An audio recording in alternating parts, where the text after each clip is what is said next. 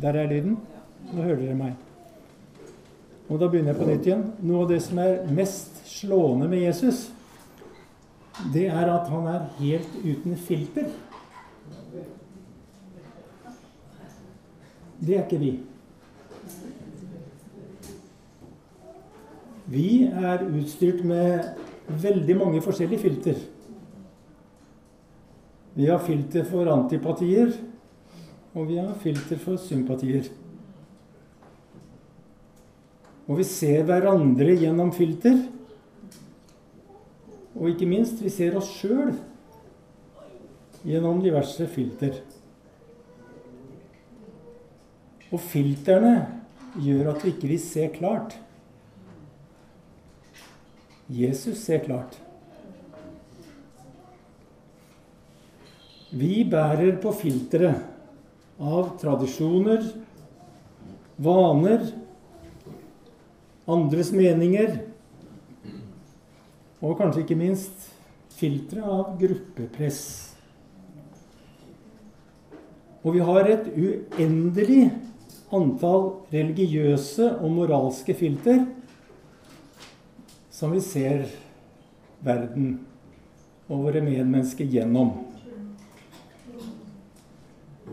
Og Det er derfor apostelen Paulus kan si at vi ser stykkevis og delt. Vi ser alt gjennom filter. Jesus derimot, han møtte alle mennesker uten filter. Og det gjør at han av og til framsto som provoserende. Bibelen beskriver Jesus i møte med en rekke forskjellige mennesker.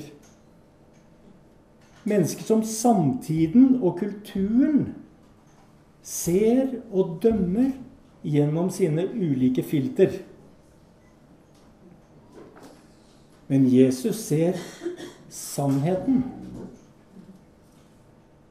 Jesus ser sannheten og elsker uforbeholdent.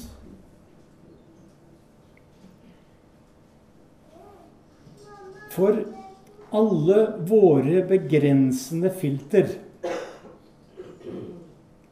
er vanskelig å bli av med. Og våre filter er vanskelig å legge bort. For de filter vi snakker om, det er innretninger som utestenger deler av en helhet. De slipper noe igjennom og skygger for andre deler. Og filtrene er oftest vevd av ord, krav og prinsipper. Ord og krav og prinsipper som bryter opp virkeligheten. Og vi ser at fariseerne, sånn som de blir framstilt i Det nye testamentet, de var utstyrt med et religiøst filter. Som besto av tradisjoner og bud og forskrifter. Og selv om disse budene i og for seg hadde gode hensikter, så var de rigget med et filter som gjorde at deres hjerter ble harde. Det er Jesus som sier det. For prinsippene og lovene ble viktigere enn menneskene. Og Jesus blir refsa av fariseerne fordi disiplene hans plukka aks og spiste korn på sabbaten. Det går jo ikke an. Men Jesus svarte sabbaten ble til for mennesket, ikke mennesket for sabbaten. Det står i Markus 2, 27. Og vet du hva det står? Da begynte de, altså fariseerne, straks å legge planer mot Jesus for å få tatt livet av ham. Da snakker vi om filter, ikke sant? Og vi snakker om at filter kan være dødelig. Filterne dreper. De religiøse filterne gjorde fariseerne fullstendig hensynsløse. Men Jesus hadde ikke disse religiøse filterne. Jesus rangerte ikke mennesker fordi han hadde en grenseløs kjærlighet til det enkelte mennesket. Og fordi han møtte, møter mennesker uten frykt. Hans empati og hans medfølelse for det bortkomne mennesket er uten grenser. Han ser bak fasaden. Han ser bak fasaden vår ensomhet og vår hjemlengsel. Og han tar oss imot sånn som vi er.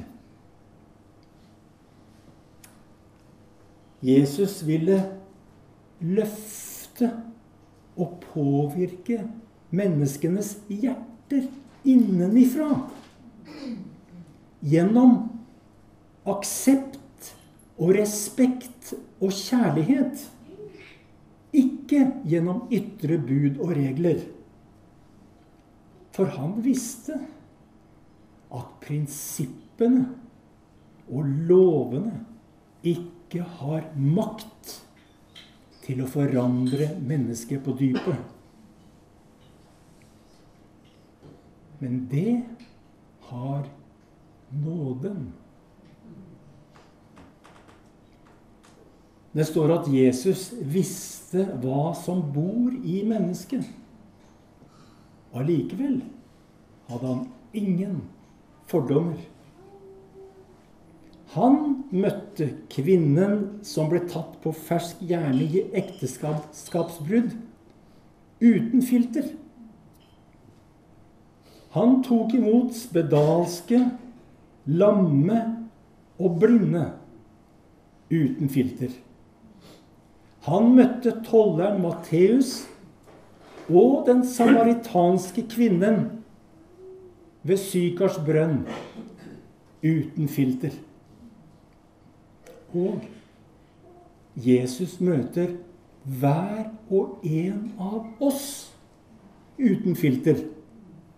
Det er det som er poenget. Et av de mest velbrukte filterne i de kristne miljøene, det er det filteret vi setter mellom oss og dem.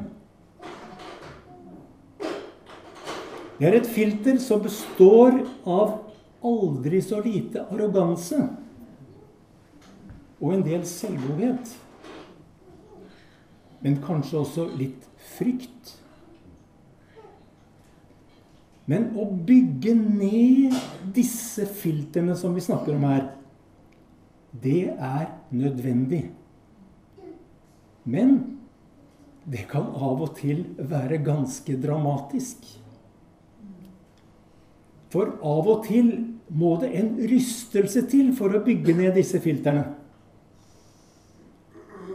Disiplene til Jesus de var ikke fri for filter. Peter f.eks.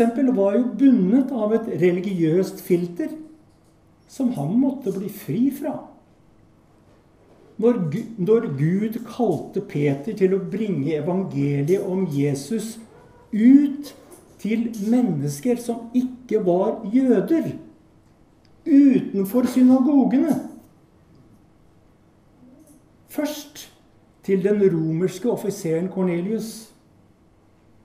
Da var det høyst irregulært. Overhodet ikke godtatt at jøder skulle blande seg med folk av en annen rase. Så det måtte en indre revolusjon til i Peters liv. Før Peter kunne si at Gud har vist meg at jeg ikke skal kalle noe menneske for vanhellig eller urent. Det står i apostelgjerningene, det første kapittelet og 28. vers. Gud måtte riste av ham det religiøse filteret. Apostelen Paulus han måtte først bli blind for å kunne se klart. Og det skjedde ved en dramatisk hendelse på veien til Damaskus. Da Paulus første gang møter den oppstandende Jesus. Og gjennom denne traumen i Paulus sitt liv ble han satt fri fra sitt religiøse filter. Og når Paulus en tid seinere forteller om Jesus på Atens gater, så kunne han bruke et annet språk enn det han kunne bruke i de jødiske synagogene. Her på Atens gater hadde det ingen mening å sitere Israels hellige skrifter. Isteden så fant apostelen et høyt, høyst overraskende berøringspunkt i et hedensk alter som han så i byen. Og dette alteret hadde påskriften 'For en ukjent Gud'. Og apostelen Paulus ser at bak denne innskriften vibrerer atenernes lengsel. En lengsel så han bak denne skriften. Og denne lengselen kunne han knytte an til og det kunne han fordi han var fri for filter.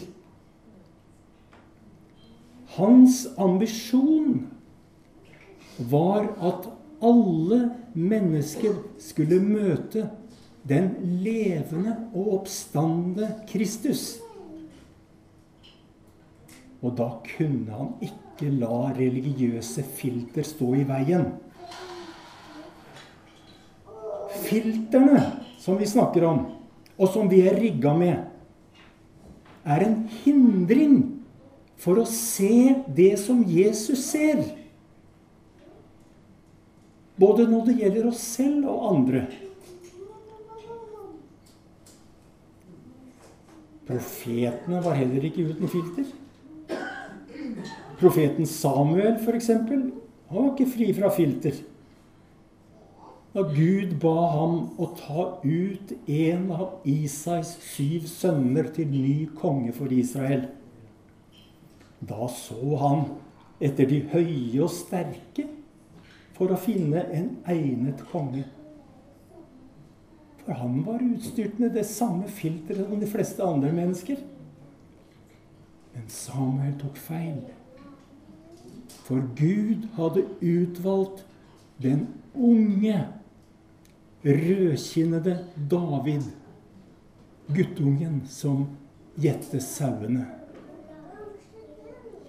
Og da kom profeten til en erkjennelse. Og I 1. Samuel 16,7 leser vi Her gjelder ikke det som mennesker ser. For mennesker ser det som øynene ser. Men Herren ser til hjertet. Jesus sier, 'Lær av meg, for jeg er mild og ydmyk av hjerte'. Og Jesus møter meg også uten filter. Og dersom dette er det eneste du får med deg fra denne gudstjenesten i dag, så vil du antagelig allikevel, når du går herfra, ikke komme lenger enn til Skippergata før det faller ned et lite filter som forteller deg at dette gjelder ikke deg. For filtrene, skjønner du, de forvrenger, og de bedrar. Og vi må kjempe mot filtrene. Vi må kjempe mot dem. Du hører og du leser at Jesus elsker alle uten forbehold. Men det tar tid, skjønner du, for sannheten å vokse gjennom skogen av filtre. Men sannheten kan aldri viskes ut. Det er et dikt av salmedikteren Bo Settelin. Han sier Skriver han ditt navn på svaberget, altså Gud, skriver han ditt navn på svaberget, så kommer havets bølger til å utslette det. Og skriver han ditt navn i sanden, så vil tusen vinder ødelegge det. Derfor skriver han ditt navn i himmelen, så det blir stående for evig tid.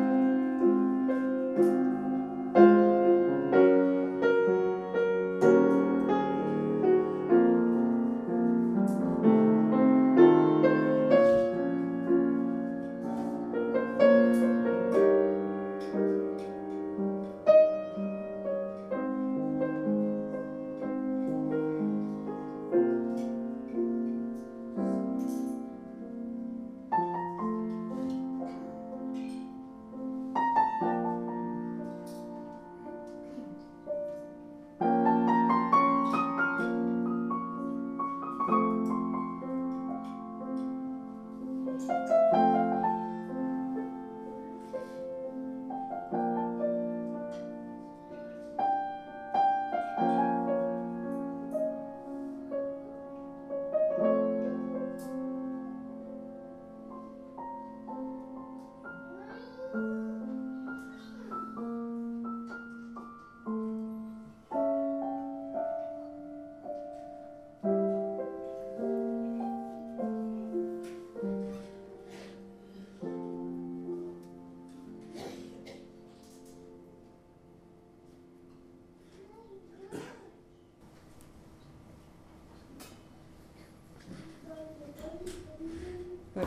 tanker. Håper det er greit at jeg deler det.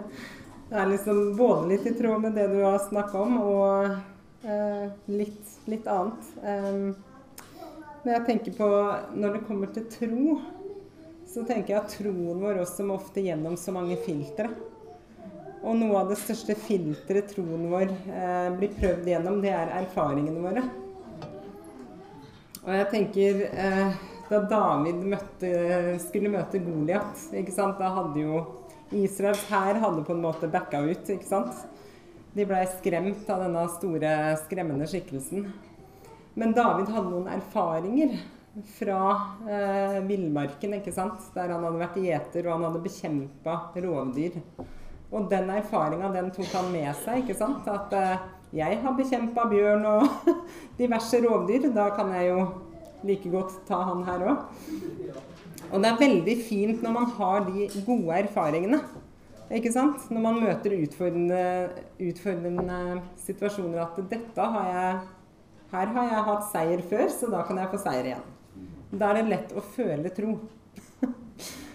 Men så hender det at vi møter noen kjemper på områder der hvor vi absolutt ikke har gode erfaringer.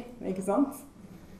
Bl.a. sykdom. Der vil det ofte være sånn at eh, når man hører om syk sykdom, så vil noen troende på en måte ha sånn blod på tann at man eh, Ja, jeg har blitt helbreda før. Jeg har sett masse helbredelser. Eh, alle jeg har bedt for, har blitt helbreda. Så dette går fint. så, så vil kanskje noen andre troende som har mista sine nære og kjære til tross for mange års forbønn, eller slitt med kronisk sykdom store deler av livet, vil kanskje forholde seg litt mer avmålt. Eh, litt mer sånn avholdt eh, optimisme. ikke sant? Og det er følelsene våre. Det er følelsene og erfaringsfilteret vårt. Og noe av det som har vært så utrolig befriende for meg, i hvert fall som både har mista noen eh, til sykdom, selv om de har blitt bedt for, og er syk på 20. året selv, så, så trenger jeg på en måte å Oi, jeg må ta troen min uh, ut av et filter her. Ikke sant? Jeg må skille troen fra erfaringsfilteret mitt. Fordi at det, det, mest befriende jeg har lært om tro, er at det er ikke en følelse. Tro er faktisk ikke en følelse. Og når det står i Bibelen at vi skal legge hendene på de syke, og som det står ikke, men du må vente til du føler tro. For vi skal, hvis vi skal vente til vi føler tro, for et bestemt utfall, da kan jeg, da, da kan ikke jeg be for så veldig mange. jeg kan ikke det fordi at mitt erfaringsfilter er så Det kludrer til troen min, da. Ikke sant? Eh, men når tro ikke er en følelse, da blir det heller ikke en prestasjon. Da blir det rett og slett å eh, Tro blir å si meg enig i det Gud sier. Det blir tro. Og det kan jeg velge. Det trenger jeg ikke føle engang. Når det står i Bibelen at eh, Jesus er vår lege, da tenker jeg ja, men det kan jeg være enig i. Og det å tro på en person, altså sette sin lit til en person istedenfor å sette sin lit til et bestemt utfall, det har også vært utrolig befriende for meg. At jeg kan tro på en person og tro at det han sier, er sant. Og så kan jeg på en måte overlate utfallet til den allmektige, som er den eneste som har det i sin hånd. For jeg, jeg, jeg rår ikke over død og liv. Det gjør jeg ikke. Og det tenker jeg at eh, Men det er så stor kraft i å si seg enig med det, Gud, med det som står i Guds ord. Å si seg enig i den, at Jesus er den han sier han er. Da blir det plutselig overkommelig å tro på det meste. Ikke sant? Og da blir det også sånn at utfallet blir også på en måte underordna. Ikke sant? Fordi at sannheten om Jesus, den står fast uansett. Og så veit vi, så skal vi alltid kjempe for å få mer av Guds rike ned på jorda. Ikke sant? For det står at Guds rike har kommet nær. Men det er ikke her fullt ut. Ikke sant? Hadde Guds rike vært her fullt ut, så hadde ikke noen fått kreft. Ikke sant? Men, men selv om jeg Og så tenker jeg også Jeg, jeg er jo veldig sånn eh, fan av 'Ringenes herre'. Jeg har sett på de ganske mange ganger. Men, det er fordi at det er så utrolig mange åndelige sannheter i de filmene. Ikke sant? Tolkien som har skrevet disse bøkene, han, han var jo personlig kristen, og det skinner så igjennom. ikke sant? Denne, der er åndskampen gjort veldig fysisk. ikke sant? Du ser denne lille resten som blir omringa av en diger, eh, svartkledd hær. De har jo ikke sjans. Men så liksom i det denne ringen da blir sluppet ned, så ser du bare grunnen under alle fiendene. Bare raser, ikke sant? Og alt håp var jo egentlig ute. Det var jo helt uh, et umulig oppdrag, ikke sant? Sånn at, uh, og da tenker jeg også i krig, ikke sant, når vi ser disse det er jo også noen krigsscener, da, fordi de som har sett disse filmene, kjenner sikkert til det at de mista jo noen i brorskapet sitt, ikke sant? Det var noen som døde på veien. Og det brorskapet representerer på en måte en menighet. Og de krangla, ikke sant? Eller et disippelskap, for den saks skyld. Med vidt forskjellige personligheter som skulle krige mot dette Eller utføre dette oppdraget sammen, ikke sant? Og det gikk jo sånn halvveis. var jo tottene på hverandre stadig. og og noen falt jo for ringens ikke sant? maktbegjær og, og alt. Ja. Det er bra du kommer med effekter her når jeg snakker om eh, film. um, men um, det er noe det, Når du ser disse krigs- eller slåssscenene, der hvor de mister noen av sine uh, kjære, så, så, tenker jeg at hvordan hadde den filmen endt hvis de hadde gitt opp? Hvis det, nå mista jeg, nå mista jeg broren min. Da legger jeg ned. Da, da, er det slutt. Og jeg tenker det er litt sånn, ikke sant. Hvis man ser på dette her som det å bringe mer av Guds rike til jorda som en krig, da. Ikke sant. Og så om, i alle slag så mister man noen, rett og slett. Vi har mista mange. Det har vi gjort. Vi har liksom tapt mange sånne kamper. Men ikke sant? det som gjorde at de til slutt vant eh, slaget, det store slaget, var at de fortsatte å kjempe.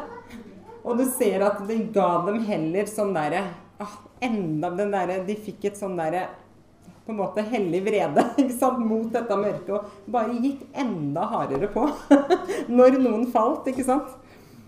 Så jeg tenker at det er litt sånn eksempel til etterfølgelse.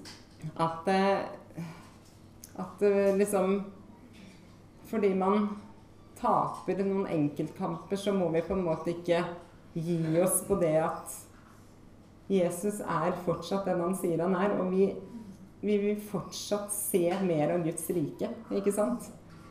Og det er, det vi, det er den kampen vi står i. Eh, og dette herre Ja, ikke sant? Disse, når man får en dårlig rapport hos legen, det er utrolig det er skremmende, og det er Man blir så motløs, ikke sant? Vi kjenner jo på det. At ah, dette har vi hørt før. dette har vi vært gjennom før. Altfor mange ganger. Um, men det er liksom noe med det å ja, tro på personen Jesus og si oss enig med det som står i den boka, om vi ikke klarer noe annet. Og så har jeg bare lyst til å nevne en annen ting, og det er jo det at eh, opp igjennom så har man, eh, særlig i forbindelse med trosbevegelsen, også, så har man ofte um, gått i den grøfta at man har lagt større byrder på de som er i sjelens mørke natt. Ikke sant? Må du være positiv, da. Og må du huske på håpet. Husk på tro.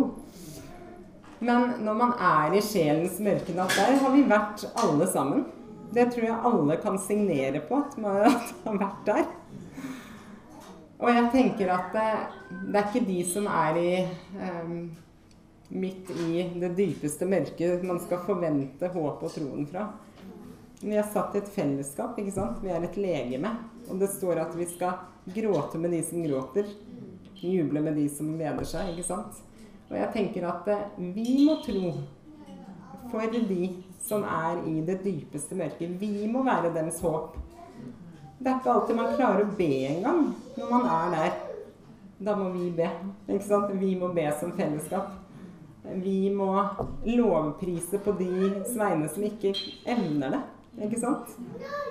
Og det tenker jeg at eh, de der som firte denne mannen ned eh, gjennom taket. Det står ikke noe om den mannen som ble firt ned, hadde tro. Men det var veldig tydelig at de som firte ned, hadde tro. For ellers hadde de ikke gjort det. Og vi vet heller ikke om de følte tro. Men de så her er det en som kan helbrede.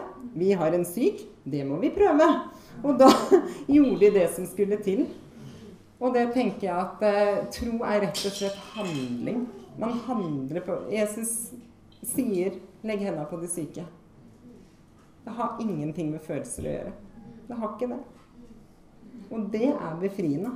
For idet tro blir en følelse, da ah, I rest my case, holdt jeg på å si. Og sikkert flere med meg. Så ja.